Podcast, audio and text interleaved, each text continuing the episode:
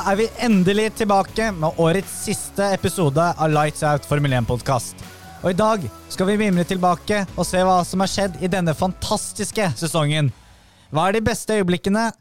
Hvordan tippet vi sammenlagtlista i konstruktørmesterskapet før sesongen? Hvordan gikk det i årets power ranking? Hvem stikker av med titlene Årets ris og ros? Og hva kan vi forvente av neste sesong? Men før vi kommer så langt, skal vi gi en liten hyllest til mannen som avsluttet karrieren sin i Abu Dhabi i 2021. Det er Iceman, Kimi Raikkonen. Legenden selv. Leave me Legenden alone. selv. Leave me alone, I won't know what to do. Det var utrolig lenge han skulle gjøre dette her bare for en hobby. ja. Og det så jo oppriktig ut som det var en hobby for han, i hvert fall eh, siste året. Men det er Jeg syns det var utrolig morsomt. Det var et intervju med han på den lastebilen som kjører rundt uh, siste Kjører rundt på banen før, før løpet, med Mm. alle førerne på. Da, da intervjuer jo Formel 1 eh, alle førerne. Og ble spurt liksom, jeg syns ikke det blir rart å ikke se dette her lenger. Nei. Og så blir det blir ikke emosjonelt. Nei, egentlig ikke. Det er Kimi, da. Sånn er Kimi. Kimi er legende. Vi liker han for den han er. Vi gjør jo det. Ja. Så det er jo Han har en verdensmestertittel. Kanskje han kunne fått enda flere hvis han på en måte var enda mer Ja, ofret mye mer for det. Jeg vet, jeg vet ikke. Det er vanskelig å se hva som skjer bak eh, teppet, på en måte. Det er uh, Jeg tenker han var fornøyd da når han vant det gullet. mm. Det Da ble Formel vidt 1 en hobby etter det. vet du. Ja. For en karriere, i hvert fall. For en karriere. Han Og- har kjørt rally òg. Du ser jo Louis Hamilton, kjørt Formel 1 alle år, og er en legende, han òg, men nei, Kimi Reikon har jo faktisk vært litt borte fra Formel 1. Han har det. Vært i, og vært i veldig mange forskjellige lag òg. Ja, og han var jo den som kom inn, med, inn i Formel 1 med kanskje færrest løp, og nå står han igjen med flest. Det er eh, Ja. Det, det blir et tomrom. Og det som også er litt trist, er at jeg føler at akkurat nå så er Formel 1 på, på topp. Og det er mye, tror jeg, på grunn av griden vi har. Vi har legender som Kimi Raikkonen, men om noen år så har vi ikke Alonso, Fettel eller Hamilton heller. Og akkurat nå så har vi den fine blandingen av disse legendene, Og en del unge gutter. ja, som Max Verstappen, Charles Leclerc, George Russell. Landon Norris. Ja, lista er lang. Nok å velge. Mm. Nok å velge. Jo, men da er de. Da er det de, de nye stjernene, ikke sant? Ja, ja, ja. ja. Og så kan vi gi en liten shout-out også til lagkameraten hans, Gio. eh, Antonio Givinazzi, som også legger eh, Formel 1-hanskene og kjøredressen på hylla. Skal kjøre litt andre Formula klasser. E. Han skal kjøre Formel E, og det starter vel om en måned, tror jeg. Så det er jo rett på'n igjen. Passer han bra, det. Ja, et, ja. Han var vel aldri kanskje ment til å Han var vel ikke noe Charles klær. Nei. Så det var synd. Han var veldig god fører, da. Han viste jo flere gode øh, kvaliteter, så ja. Men skal vi egentlig bare kjøre i gang med denne sesongavslutningen, da? Ja, la oss gjøre det. Det Ja. er litt høytid nå, Litt da, med høytid. jul, og se tilbake på ting vi kanskje har glemt. da. Her sitter vi selv med gløggen i podkaststudioet med noe godt oppi glasset. Ikke bare gløgg oppi glasset til Jakob her nå. Nei, Det er det ikke i ditt heller, men det er sånn det skal være. Ja. Det er Så det er bare å sette seg godt tilbake i stolen og få fram gløggen selv. Ja, så det første vi skal se på, er å se hvordan tippingen av konstruktørmesterskapet endte. Vi tok jo og tippet dette her eh, i første episode, eller episode to denne sesongen, i sesonginnledningen. Så det blir spennende å se litt hvordan faktisk den tippingen eh, ja, utartet seg i forhold til hvordan resultatet var. Ja, og vi kan jo bare gå løs på lista. Skal vi ta fra bunn eller topp? Fra, vi tar alltid fra bunn. Vi tar fra bunn. Ja. Vi hadde jo riktig på bunn, da. Vi hadde alle tippa Has på bunn. Vi hadde ikke tippa mye poeng for Has heller, og det var jo riktig. Det var riktig. Eh, neste, nummer ni, da tippa jo vi Williams, og vi tenkte at en niendeplass er jo bra for Williams. Men eh, her ble det Alfa Romeo. Så det var sterkt av Det var, det var en hyggelig overraskelse, syns jeg, da. Skal vi si, kan vi si det er skuffende av Alfa Romeo? Blir passert av. Williams? Ja, for jeg føler de har, de har hatt en OK bil i år, at de kunne fint tatt mer poeng, så egentlig litt skuffa. Åttendeplassen, der ender jo da Williams. Vi tippet jo Alfa Romeo, så da har vi to feil allerede der. Syvendeplassen, Der tippa vi Alfa Tauri. Der var det Aston Martin som endte opp. sesongens kanskje store skuffelse. Ja. Ja, det var vel eh, kanskje litt den eh, leksa av å ha kopiert Mercedes eh, sesongen før. Og så Ja. Tenker jeg også så jevnt midtfeltet har vært, spesielt denne sesongen, men også, du så det mot slutten også sist sesong, da, at det er så mange midtfeltlag som har tatt steg. da. Mm. Så sto kanskje Aston Martin litt på stedet hvil. Ja, og de endringene med, med mindre downforce, de eh, Ja, det, det var vel ikke i favør Aston Martin heller. Nei, de har ikke klart å gjøre noe med det heller. Nei, jeg husker det var mye bråk med det eh, i starten av sesongen. Sjetteplass. Sjetteplass ender jo uh, Alfa Tauri. Der hadde vi tippa alpin.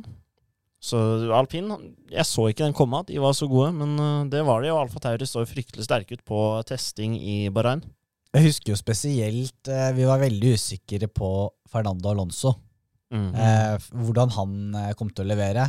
Nå har han, spør du meg, levert mye bedre enn det som var forventa. Han har jo vært mye mer team- eller lagkamerat enn tidligere. da. det Det ser har imponert meg mest, egentlig. Nummer fem, der eh, Ja, der tippa vi Aston Martin, men der var det alpin som eh, endte. Den er jo grei, det prata vi nettopp om. Nummer fire, der, prata, der tippa vi eh, Ferrari, men der var det McLaren. Og det Ja, det var jo samme mm, omvendt vei på tredjeplassen. Der endte jo Ferrari, mens vi tippa McLaren. Og det så jo veldig ut lenge som vi hadde ganske god kontroll på at McLaren skulle komme på tredje. Men eh, høstsesongen var tung for McLaren, og etter Sotsji så ble det natta. Da var det natta. Da var det rett og slett for uh, triple-ledderen gikk til helvete, og de tok nesten ikke noen poeng i det hele tatt. Altså så slapt fra McLaren sin side, det, det er utrolig skuffende. Vi kan jo si at uh, uh, Aston Martin har sesongens skuffelse, men jeg vil si McLaren har skuffet ekstremt på høsten. De var, spør meg, sesongens lyspunkt på vårparten. Mm. Absolutt. Andreplassen har vi Red Bull. Det endte jo med Red Bull også. Det gjorde det, faktisk. Lå jo lenge antatt at de, de kunne ta det, men det sklei litt fra på slutten. Ja, det var vel det at eh, Bottas var eh, Ja, det, det er jo åpenbart på poengene at eh, Bottas var litt bedre enn det Peres var Ja, over en hel sesong. det ikke med at Peres kjørte de i Saudi-Arabia heller, men Ja, og så altså, ble vel også Peres etter hvert også brukt litt mer også som en andrefører for å forsvare Max òg. jeg tror Ja. hvis uh, s- uh, hadde fullført i Saudi-Arabia, så kunne det fort vært jevnt, for Red Bull hadde jo bedre helg i Abu Dhabi enn Mercedes hadde. Det var jo Da vi tippa det Hadde her, du så det? Ja, hva Peres fikk jo ikke poeng. Nei, Peres brøyt han. mm. Stemmer det. Han, lå så han ble lenge- klassifisert. Han kjørte over 90% av løpet, eller Ja. 92, eller hva det er. Men eh, han fikk ikke poeng. Men uh, sånn sett verdig vinner til slutt. Da vi tippa Og det viktigste er å treffe på vinneren. ja. Det er jo det. Ja, det er jo det. Jeg synes vi, har vært, vi, vi har jo vært veldig nærme på mye, da. Så er det bare små omrokeringer, egentlig. da. Ja, det midtfeltet er veldig vanskelig å tippe. Ja, Så Topp og, topp og bånn, der har vi truffet.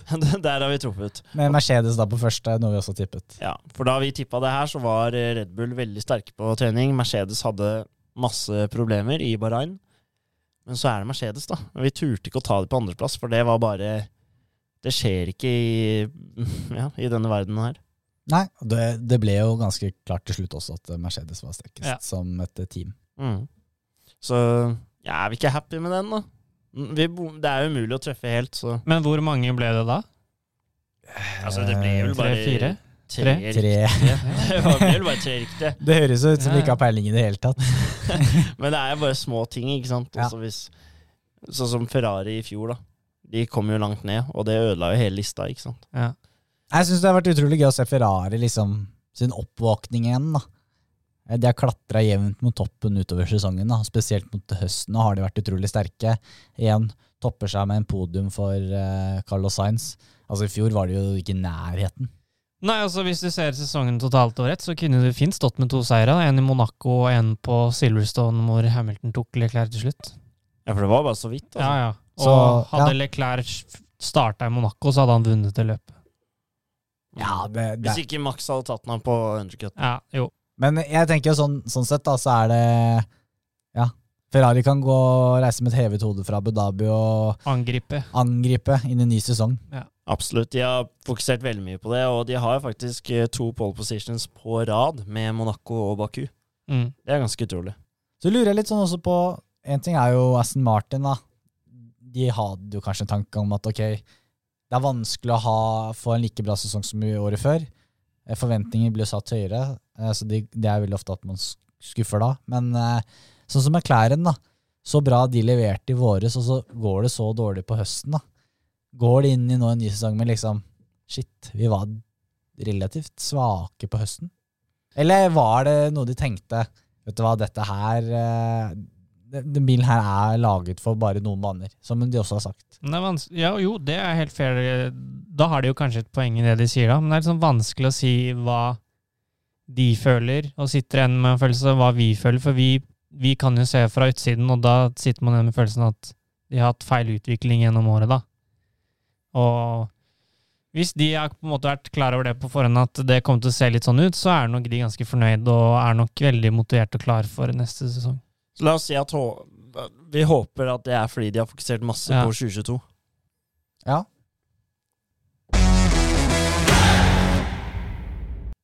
Da kan vi gå videre til eh, se på de beste øyeblikkene for denne sesongen, og der har det jo vært ekstremt mange gode øyeblikk. Én ting er jo hendelser, men også totale løp. Det har jo skjedd ekstremt mye, og det har vært en nerve i nesten alle løp. Det har jo det da kanskje vært den beste sesongen noensinne, prater folk om. Mm. Jeg tror ikke vi er gamle nok til å hevde det, men det, det med Max og Louis har vært eh, helt ekstraordinært, og så har det vært mye annet. Vi har fått noen innspill på det her, og Jostein fra Radcrew han blar jo opp McLaren 1 og 2 resultat på Monza. Ja, det var kult. Eneste laget som har P1 og P2 i et løp. Mm. Mercedes og Red Bull har ikke klart det. Og det sier litt også hvor uh, utforutsigbar den sesongen der har vært, da. Ja, absolutt. Og det, det at andre kan vinne, en enn eh, Mercedes, Red Bull og fra 2019, eller fram til 2019 Ferrari, det var bare helt utenkelig før. Altså, I hvert fall dobbeltseier. ja, for det var, det var ja, i hvert fall dobbeltseier. Ja, men det var jo ingen andre enn de tre som vant. Nei, det var ikke det. det var noe vi lærte i fjor, at noen andre kan faktisk vinne. Altså, jeg er litt med tanke på at eh, de hadde jo ikke vunnet et løp siden 2012, var det vel, så Mm. det er jo Jeg husker jo, jeg har fått tre-fire år siden, Best of the Rest. Da var jo syvendeplass. ja. Mm. Så har vi Daniel Kobo. Han har jo ramsa opp en haug av øyeblikk, så her har vi egentlig nok for he hele podden. Han, eh, første han blar opp, er jo Hamilton alene på griden i Ungarn. Og det er, noe, det er noe jeg skulle si, for det er noe av det rareste jeg har sett. Ja, det hadde jeg nesten glemt. Ja. da lo jeg fælt. Ja, du var på utrunden, utrundene. Ja. Ja, det var alle gikk inn eh, og skifta fra intermediate, var det ikke det? Jo, de gikk inn på oppvarmingsrunden og skifta til uh. Nei, Det var etter vanlig dekk, for de sto jo på regndekk. Ja, det her var etter rødflagg. Ja, det var det det var, ja, sant Og da kjørte jeg Hamilton først. Alle andre pitta. Rødflagget til Bottas hadde vært bowlingkule inn i svingen. Og han sto alene på den griden, og de der lysene begynner å tennes. Ja, det så så dumt ut. Jeg Det- tror det jeg er- du aldri kommer til å se igjen. Det er noe av det rareste jeg har sett. Ah. De som var der, må jeg bare ha tenkt hva er det her for noe? Noe annet han har, er jo spa. Spa-løpet. Eh, vi, vi skal ikke prate for mye internhumor om det, men de, vi var jo der nede som vårt eneste løp. Er og ikke det beste stas. øyeblikket denne sesongen? Nei, mye reising. Mye regn. Tid og penger på reising, eh, mye regn.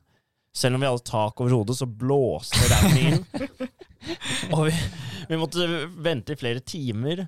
Og så skulle vi hjemover og måtte gå langt. Jeg hadde jo så, så vidt en bra fot, så ikke han komme hjem. Han taxisjåføren henta oss ikke. Prøvde å haike. Vi gikk en mil denne dagen, liksom.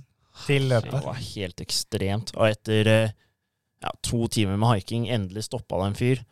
Og det gir meg jo traumer, for vi fant jo ut fort Han tar jo feil vei på motorveien og vingler som bare rakkeren. Og vi finner ut at han her er ikke edru i det hele tatt. Så han var, han var hyggelig fyr, da, men um, Det hjelper jo ikke. Nei, en annen tok over, og vi, vi kom oss hjem da, i hans bil. Så det Men det er sånn personlig øyeblikk jeg er fra denne sesongen her, hvis du skal tenke Formel 1. Når Jakob er Var det to eller tre andre? Tre andre, Tre ja. andre i gjengen, da. Eh, Kommer da, for da er det jeg og to andre. Vi har tatt en annen eh, buss, mens de hadde tatt og haika. De kom hjem halv tolv. Da har dere vel ikke spist inn den dårlige friesen på spa klokka, klokka ett? Halve gjengen er fyllesyke fra natta før. Alle er iskalde. Det var så laber stemning Jeg var så forkjøla. Ja. Jeg var så ferdig. Men vi, har, men vi har et godt minne fra spa, da, og det er lørdagen. Ja, det var en helt rå kvalifisering. Russell på andreplass. Russell på andreplass, Landon Norris i veggen i Ja. Orouge. Mm. Vi har jo en sånn Instagram-reel som vi har lagt ut på Lights Out sine sider, fra når først Russell passerer, kommer inn, P1 kvalifisering, alle klikker helt, så kommer Forstappen, passerer, P1 på handa, og alle klikker enda mer, for det er jo bare nederlendere selvfølgelig der òg. Ja, Det var ganske kult å se.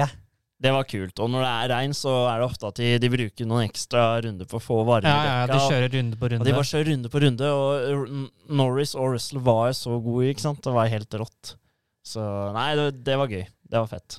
Så det er jo gode minner. Men eh, nei, det har vært mye spesielle hendelser. Du har jo også Aserbajdsjan, Baku, Ja, Det var det var et utrolig. løp. med Forstappen i veggen, og så Hamilton som glemmer å sette på bremsene. Ja, den derre magic button Magic Baku, button, ja. som uh, ble skrudd på igjen. Ja. Og første krasjen mellom Max og Louis i Silverstone. ja. Max Verstappen med hva er det, 54, 54 G. G, eller hva det er. Det var ganske sykt, altså. Jeg så forresten at uh, Sky Sports fikk jo bra uh, kritikk. For de brukte Det kom Den krasjen kom i slow motion. Max som bare flyr ut av banen i sånn slow motion. Litt sånn vakkert bilde. Og så kommer det sånn sakte, men sikkert så fader det inn en sånn Sky Sports-logo, og så står det 'Merry Christmas'. det. det, Du så du nå nylig? ja, det, det Yes. brukte Og de brukte Monza-krasjen òg. Og det her måtte de beklage da til eh, Max Verstappen ja, og Louis Hamilton. Altså, de innvollene må jeg ha røska frem og tilbake.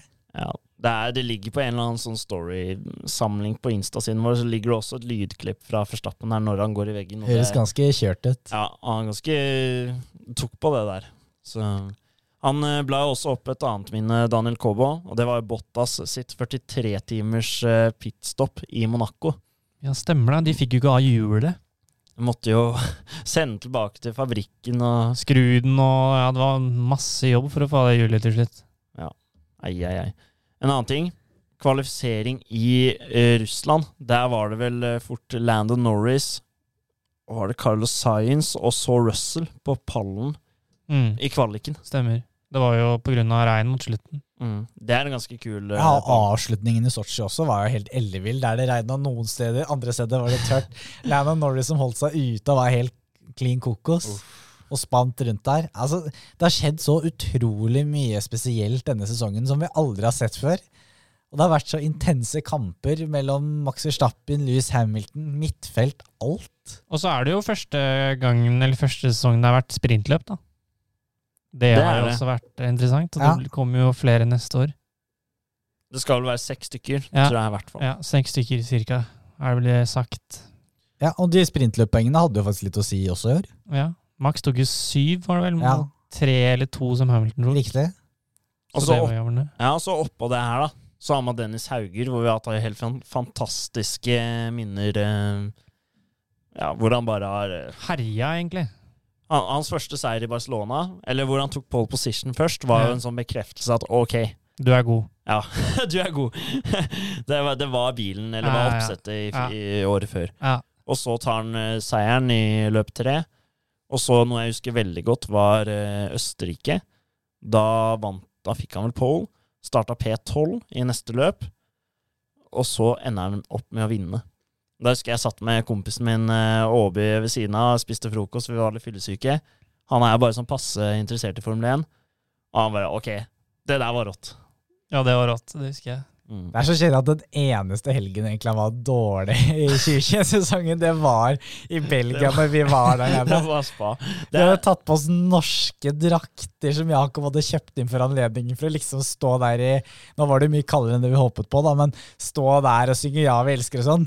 vi var jo åtte stykker og så hypa. Det eneste som var veldig bra, var at jeg hadde med en sånn norgeskjerf, bare for effektene. Det var så deilig å ha på søndagen når det var så kaldt. hadde jeg det rundt halsen hele dagen, heldigvis. Ja. Så det er altså et sånt tips skal du på Formel 1-løp i Europa. Det er steder det er usikkert for dårlig vær. Bestill billetter Nei, ja, det er en ting av det. ja, egentlig. Men bestill billetter under tak. Ja. Ja. Det er greit å legge de ekstra kronene da, tenker jeg. Jeg snakket med en italiener som hadde sittet i Oroge den søndagen i ni timer i regn. Det, det, han var ganske drittlei. Ja, det var um, han fulle fyren vi satt på med. Han, uh, han var kanskje en tulling, men han hadde med seg sokker. Han hadde med seg ekstra sokker, det hadde ikke vi.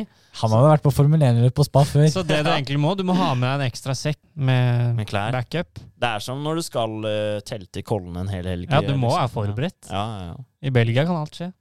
Har du noen øyeblikk du sånn husker og kan dra fram, Andreas? Uh, ja, så jeg syns jo en av årets høydepunkt må jo bli Ungarn-løpet.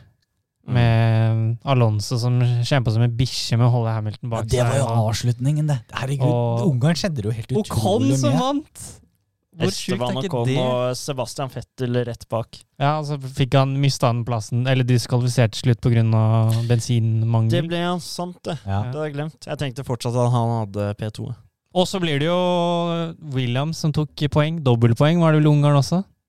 Ja. Russell sitt, eh, når han gjorde intervjuet etter å ha tatt første poenget, når han begynte å grøte. Ja, det var fint. Russell tok jo også poeng på spa helgen etter, så det Han var i en steam. Den han var en en Han steam. tok andreplass. Andreplass. ja. Andreplass eh, på spa, det er ikke dårlig. Nei.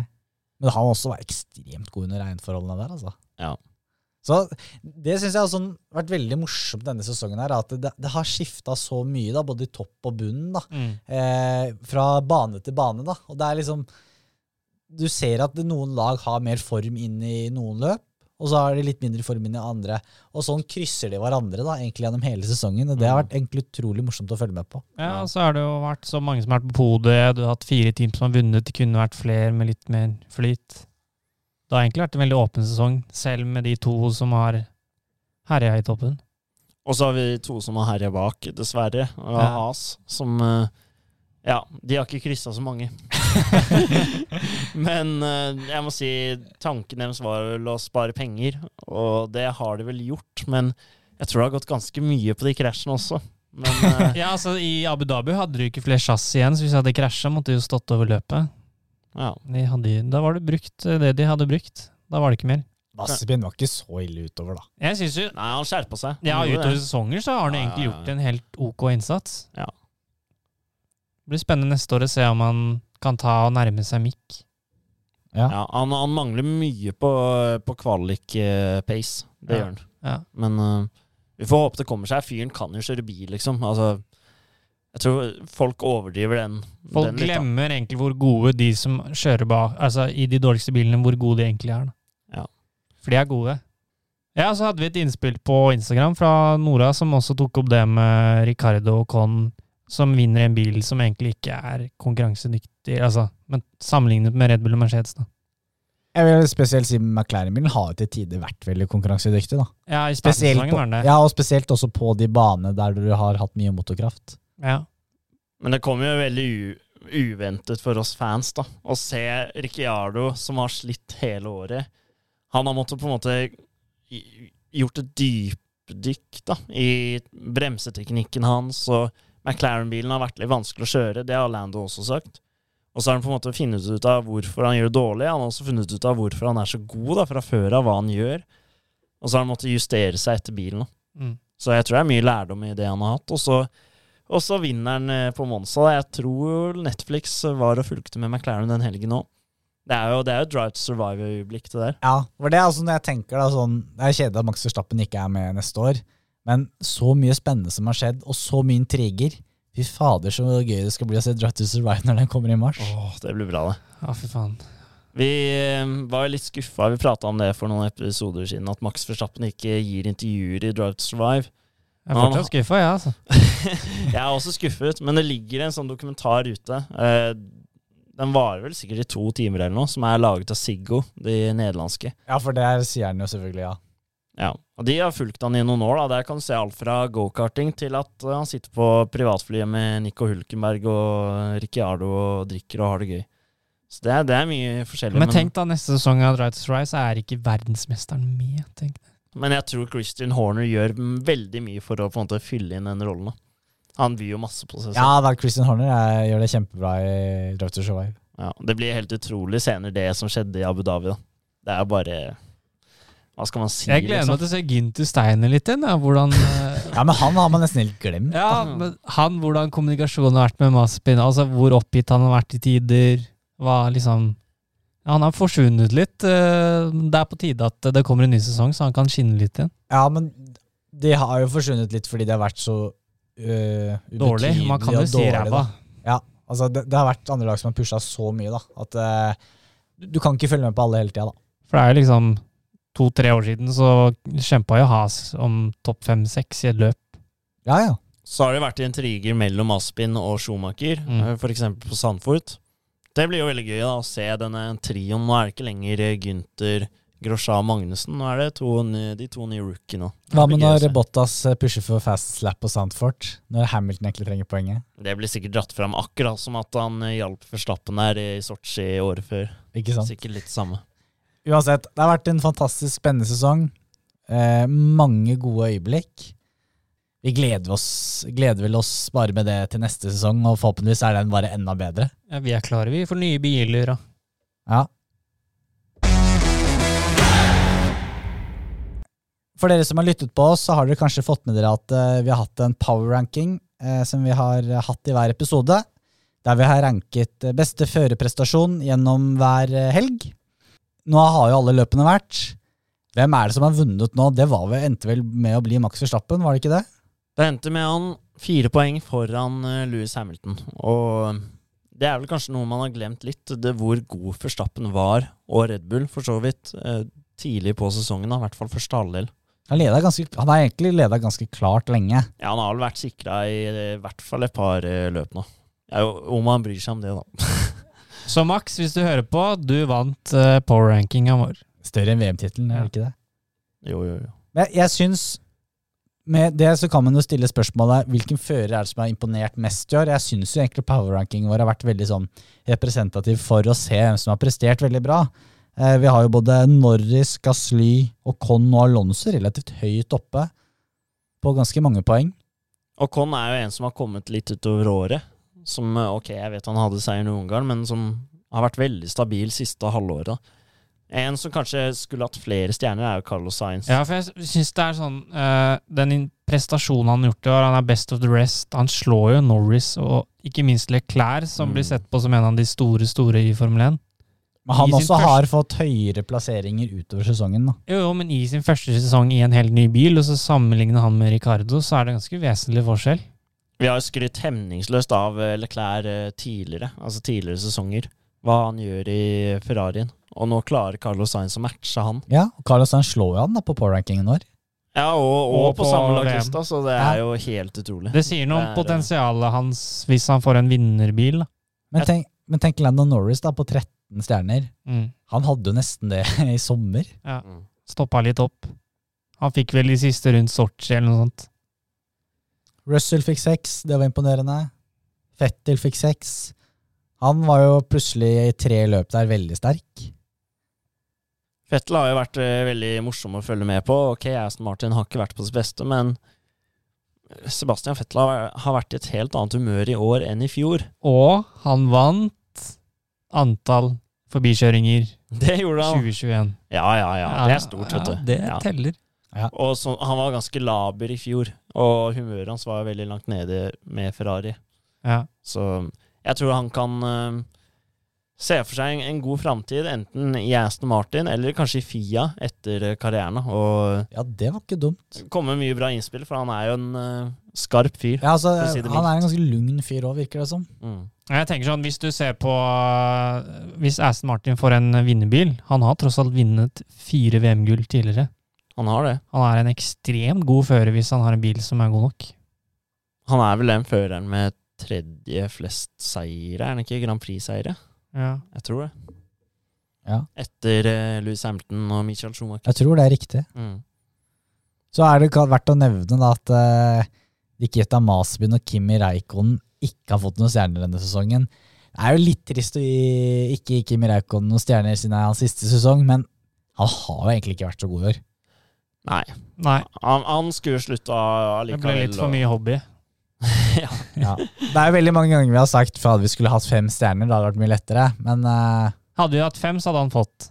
Og da tror jeg også Carlos Sainz hadde endt opp uh, veldig bra, fordi det er jo ofte man ser hvem som peker seg ut veldig mye, og Sainz har på en måte vært Akkurat. ja, rett under der. da, At vi er veldig imponert over at han matcher Leclerc.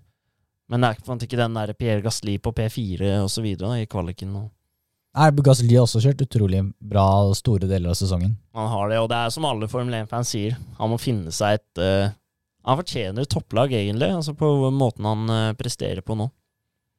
Ja, nå, men nå har han jo også en del flere år bak seg, da, med mye mer erfaring. Så jeg, jeg tror han i et bedre lag eh, Men husk tror på kunne, kunne gjort det godt. Ja. Spørsmålet er det, hvem det laget er. Det er nettopp det. Jeg tror ikke han får en ny sjanse i Red Bull, egentlig. Det blir spennende å se. Også, litt også med tanke på så bra Alonso presterte i år, da. Fortsetter han det neste år, da, så tror jeg han har litt makt i sine egne hender, da. Ja, så kan du tenke Gasli, da. Vil eh, Red Bull for eksempel ha en, en fører som skal komme inn og plutselig konkurrere mot Max? Det tror jeg ikke. Nei, for der har jo Peres vært ekstremt god. Vi ga jo bare Peres tre stjerner. Han har faktisk vunnet et løp i år for Red Bull. Han har det. Det er kjempebra, men uh, til tider vært litt for dårlig. Er litt for ustabil. Jeg har ikke klart å sette sammen en hel helg. Nei. Utover året så er jeg på en måte litt sånn Bare akseptert det. At uh, sånn er andreføreren. Nå handler det om Max og Louis. Men er han har jo akseptert det selv òg. Han har det, og det er det du får i en uh, litt eldre fører. Og Men ikke, uh, jeg tror han har ganske høye forventninger til seg selv neste år. Jeg tror han forventer mye mer av seg selv og skal kjempe mye hardere om den Altså, Han vil jo være med i titteljakten, han også. Han vet jo at han har en god bil. Ja, absolutt. Ja, altså Absolutt. Men Det er jeg, ingen som kjører i Formel 1 for å ikke vinne, på en måte. han, han har jo vært mye nærmere nå, si fra, fra USA da, og ut, så har han vært nærmere. Ja, han har skjerpa seg. Men uh, han må opp enda et par hakk i forhold til hva Red Bull ønsker, hvis de også skal vinne konstruktørmesterskapet. Mm. Nå har det vært veldig mye nærmere nå enn det har vært på mange, mange år. Men uh, Og det er kudos også til Red Bull, da, det de faktisk har klart i år. Jeg husker eh, før sesongen så sa vi det at eh, eh, noe som er viktig for Red Bull, er det at eh, de ikke må få motorhavari. Ja. Som de har slitt med veldig mange sesonger tidlig på sesongen. De har jo ikke hatt det i år. Det er et veldig godt poeng, for det har de slitt mye med før. ja. Men det virker også som om både Red Bull og egentlig alle lag nå har begynt å heller ta og få en gridstraff og bytte motor oftere istedenfor å ta, få det havariet. da. Mm. For før så skjedde det havarier hele tiden, men det gjør ikke det nå lenger, for noen lag nesten. Det er fordi at de poengene er så viktige, vet, både i toppen og midtfeltet, at du vil heller uh, være på den sikre siden, bytte, starte lenger bak, enn å bryte et løp. Du blir jo mer bevisst over det over en lang sesong, at du må gjøre de byttene, og så er det vel kanskje et lite resultat av mye av de samme reglene av de samme bilene over mange år, gjør at de blir mer pålitelige. da. Det er det som er interessant med neste år, da. Ja. Biler Du aner egentlig ikke hvem som er best. Altså Neste år så kan jo McLaren kan det være McLaren mot Ferrari, og hvor Red Bull og Mercedes har falt. Altså Det er ingen som aner noen ting. Vi skal snakke litt mer om eh, neste år eh, om litt, men først så kan vi gå videre til årets ris og ros.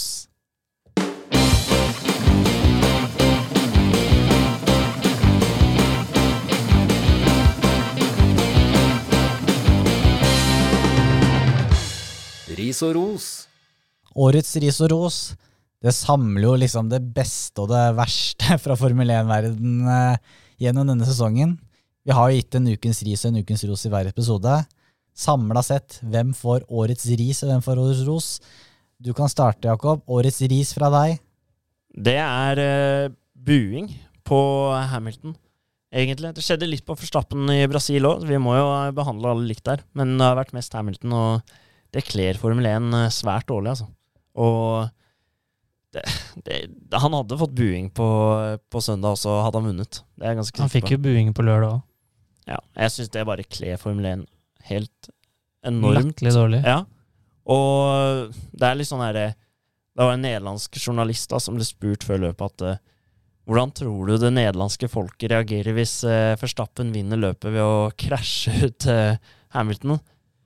Og da svarte han at eh, Han sa ikke sin egen mening, det, men han bare ga inntrykket sitt av det nederlandske folk, og han sa at eh, da blir han enda mer populær, tror han. Fordi det er så mange som fortsatt er sinte for det som skjedde på Silverstone, og det som skjedde i Ungarn. Mm. Og eh, Verstappen er bare the man i Nederland. Han kan ikke gjøre noe galt.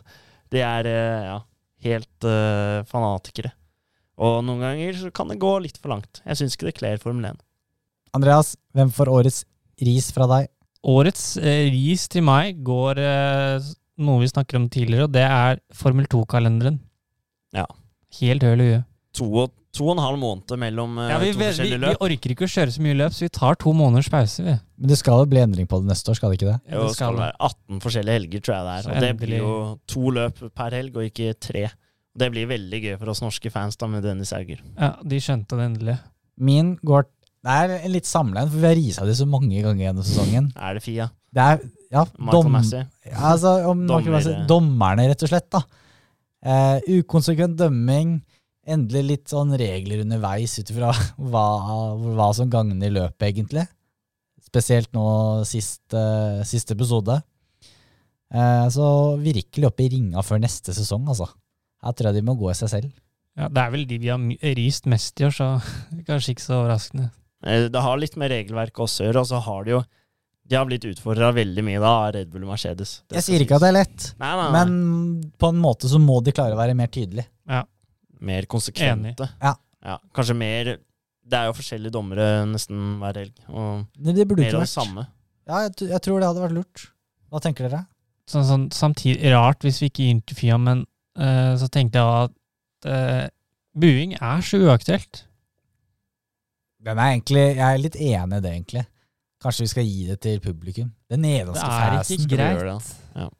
Ja, jeg syns det. Det var jo noen av de på tribunen vår i spa som begynte å bue på Hamilton. Da klappa vi jo litt, da. Ja. Så det er, eh, man merker jo når man er på sånn Formel 1-løp, da Herregud, Red Bull må tjene mye på det her eh, merchandise-greiene. Det blir ikke noe mindre nå når Max bytter tall. Nei. Ja, det er én ting. Og så tror du alle Max Verstappen har jo egen sånn buss òg. De selger jo evig med Max Verstappen-capser som bare er Mm. oransje uten Red Bull på også. Ja. Men da gir vi årets ris eh, til Buing. buing, den nederlandske fansen, eller bare buing generelt? Buing generelt. Ja, buing generelt, for det skjedde mot Verstappen i Brasil òg. Ja. Og det er ikke greit heller. Her må vi, Ja, må vi være no go. Slutt ja. å okay. bu. Årets ris til buing generelt. Ja, det, kle, altså, det har jo vært så sinnssykt opphetet denne sesongen. Folk må slappe av litt. Hva med årets ros? Skal jeg starte? Gjør det. Går til Louis Hamilton. For hva da? God vinner, god taper. Han står fram med sine meninger, selv om mange er uenige. Eh, regnbuefarge på hjelm, Black Lives Matter. Egentlig alt. Virkelig god fyr. Mm. Jeg er så enig, men Man ja. ble ja. veldig Max-fiendtlig her. Ja, men Max har fått mye hyllest eh, gjennom sesongen, Så og vant vi til slutt. kan Så ikke Max fiendtlig. Vi ga han jo seieren i powerrankinga. Vi Ja. har hylla Max masse, ja, vi har det. det var litt prikken over i-en, egentlig, når bare Louis Hamilton tok det på en så god måte etter tapet på søndag eh, i løpet i Saudi-Arabia. Nei, Abu Dhabi. Jeg tror han fikk mange nye fans der. Det skal jo egentlig ikke være sånn at han må være så ydmyk, og han må tape i tillegg for å få fans. Mm. Men uh, Så det er min årets ros. Vi har rosa han også flere ganger for det, så det er en samla en der også. min uh, ros i år, den uh, Du, Andreas, du ga en ros til Sebastian Fettel forrige i Abu Dhabi, Saudi-Arabia. Ja, Hvor han arrangerte løp for et gokartløp for kvinner. Min ros går bare til Sebastian Fettel for alt han har gjort i år. Det er alt fra søppelplukking på Silverstone. Den fikk vi ikke eh, gitt eh, ros til, for det tror jeg skjedde etter at vi spilte inn. For jeg tror vi spilte den rett etter løpet. Det er sykling til og fra banen. Har du hørt om en så jordnær Formel 1-fører? Og tog og Tog, og det er søppelplukking. Jeg tror han drev, eh, besøkte en søppelfabrikk her. Ja, så har han vært besøkt en gård eller bondegård eller hva det var for noe. Hilst på noe dyr. Og måten han tar vare på, på Mick. Litt sånn storebror-lillebror-forhold der. Eh, det der eh, at han har ramset opp alle 71 verdensmesterne bare sånn på rams. Det er helt utrolig. Han er, han er så skarp, han er så godhjerta. Han har jo ikke sosiale medier. Det bryr han seg ikke om. Nei, jeg syns Seb, han, eh, han har fått en ny vår, altså, i, i år. Ja. Så, ja. Nytt menneske, føler jeg. Mm. Andreas?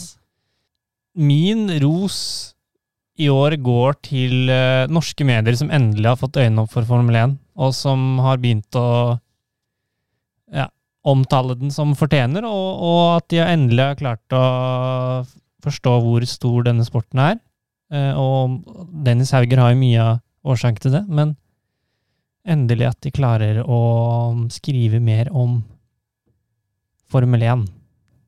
Vet du hva, jeg tenker det, den fortjener årets ros, faktisk. Altså, Louis Hamilton, Sebastian Fettel, kjempebra mennesker og alt det dere har gjort, men norske medier, dere har virkelig steppa opp gamet fra året før. Endelig! Det er bra. Det var vår første ris, det var til norske medier i denne podkasten her. Og jammen meg, de har svart på tiltale. Ja.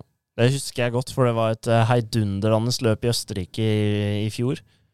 Og eh, Dagbladet skrev bare om de som ikke ville knele. De var med på å markere kampen mot uh, rasisme.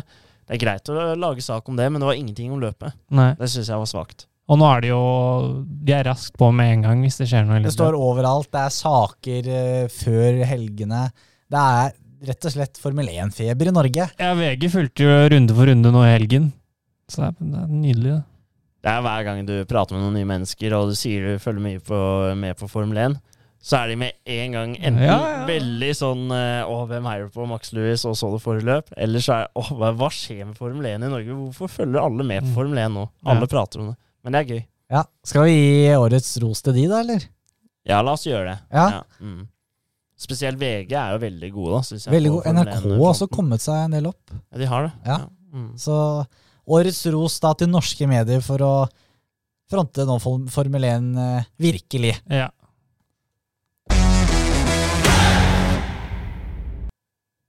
Så nå, Andreas, nå skal du få lov til å snakke litt om hva du kan forvente av neste sesong. Hva er det du virkelig ser fram til? Selvfølgelig nye biler, men det er jo noen nye førere. Noen førere bytter lag. Uh, først og fremst så forventer jeg uh, mye mer tett racing, uh, nå som bilene blir så annerledes som de blir. Jeg forventer at Ferrari virkelig våkner. Jeg forventer egentlig at de er tilbake og vinner løp og kjemper om VM-gull. Det er pokker meg på tide. Tror du vi kan få tre lag som kjemper om VM-gull? Og så forventer jeg at uh, Russell viser hvor god han er, fordi han har jo ofte blitt snakka opp, så nå er det på tide å vise det også. Det kan bli spennende å se han i duell mot Hamilton, hvor god han faktisk er. Og så forventer jeg at, ja, at det blir flere med bare Red Bull og Mercedes som eh, kan vinne løp og kjempe om gullet. Det trenger vi. Med den veien vi går nå, så er det stor mulighet for det. Ja, og øh, den derre budget-capen øh, er med på å bidra til dette. Ja. Og jeg tror at øh, selv om vi håper på tettere racing og, og har god grunn til å tro på det, så må vi også forberede oss litt kanskje på at de beste blir det er, det er større sprik mellom de beste og de dårligste. For vi har sett disse kanskje to siste årene da, med disse bilene at de, de midtfeltlagene de kommer nærmere de beste. For det tar det litt igjen. De finner ut at ok, de her har gjort det. Tar det litt igjen, da. Det var jo mye større sprik for tre-fire år siden. Så jeg tror, tror vi skal på en måte bare ha det litt i bakhodet, kanskje. Mener jeg, da. Ja, Så blir det spennende å se også om styrkeforholdene vil endres helt med de nye reglene også. Jeg tror det. Altså, jeg tror jeg husker tilbake i 2013 hvor Red Bull bare herja med resten. Og så en vinter så er Mercedes totalt overlegne. og Det er det som kan skje nå. da. Du aner ikke hvem som har fordelen når du går inn til den første testen. Da kan altså. hvem som helst egentlig være det beste laget. Så blir det gøy også å se ny nye ba- banen i Miami. Det blir veldig gøy. Jeg tror eh, når det gjelder styrkeforholdet mellom lagene Hvis Mercedes eller Red Bull ikke vinner neste år, så kommer de til å få høre at å, dere har ofret eh, fjoråret for det her. Eh, Christian Horner fikk jo spørsmål om det er tidligere i år. Ofrer en del av neste år for å vinne mesterskapet i år? Han sa nei. da. Ja, han sa nei. Det ville vi aldri gjort, mente han, da. Men de kommer til å få kritikk for det hvis de ikke vinner neste år. Men jeg tror ikke. Mercedes har den beste bilen neste år. Tror du ikke det? Jeg tror eh, de som har en fordel, vi skal se nå, så tror jeg Ferrari og McLaren har en fordel. Hvorfor tror du McLaren har noe bedre fordel enn Mercedes? Jeg tror eh, det har mye med sulten å gjøre, da. Og at de nå på en måte kan ha jobbet litt i fred, eh, mens McLaren, nei, Mercedes og Red Bull måtte, har måttet utvikle den, eller gjøre så godt som mulig for å få bilen den i år til å gå fortest mulig. Mm. Og da har de andre hatt en liten fordel med at de kan ha hatt et litt større fokus på neste års bil. Ja. Og det er jo to giganter i Formel 1, altså McLaren og Mercedes, og så forventer jeg egentlig en del av Williams, og jeg forventer at de kanskje kan klatre enda høyere opp midtfeltet. Men kan vi forvente det? Has, jeg mener de har jo spart alt til neste år, da, ifølge dem selv. Det er umulig å si. Jeg tenker alt det her Jeg må se første test og trening på er- Det er vel Bahrain de skal ha test Mm. i år også? Ja. Jeg tror jeg må se der før jeg tør å egentlig si noe om styrkeforholdene til disse lagene. Ja. Det, er, det er litt som å kaste en kortstokk opp i været og se hvordan den lander. Det som har vært kult, er om det kunne vært sånn at da har Red Bull, Mercedes, McLaren, Ferrari eh, At alle de kan vinne løp, da. At du kanskje har en fra hvert av de lagene som kan være med lengst mulig inn i kampen om gullet. Ja, Det hadde vært kjempekult hvis du hadde fått med én ekstra mann eh, i Samland-kampen fra et annet lag også. Ja. At det ikke er eh, Hamilton og Max igjen.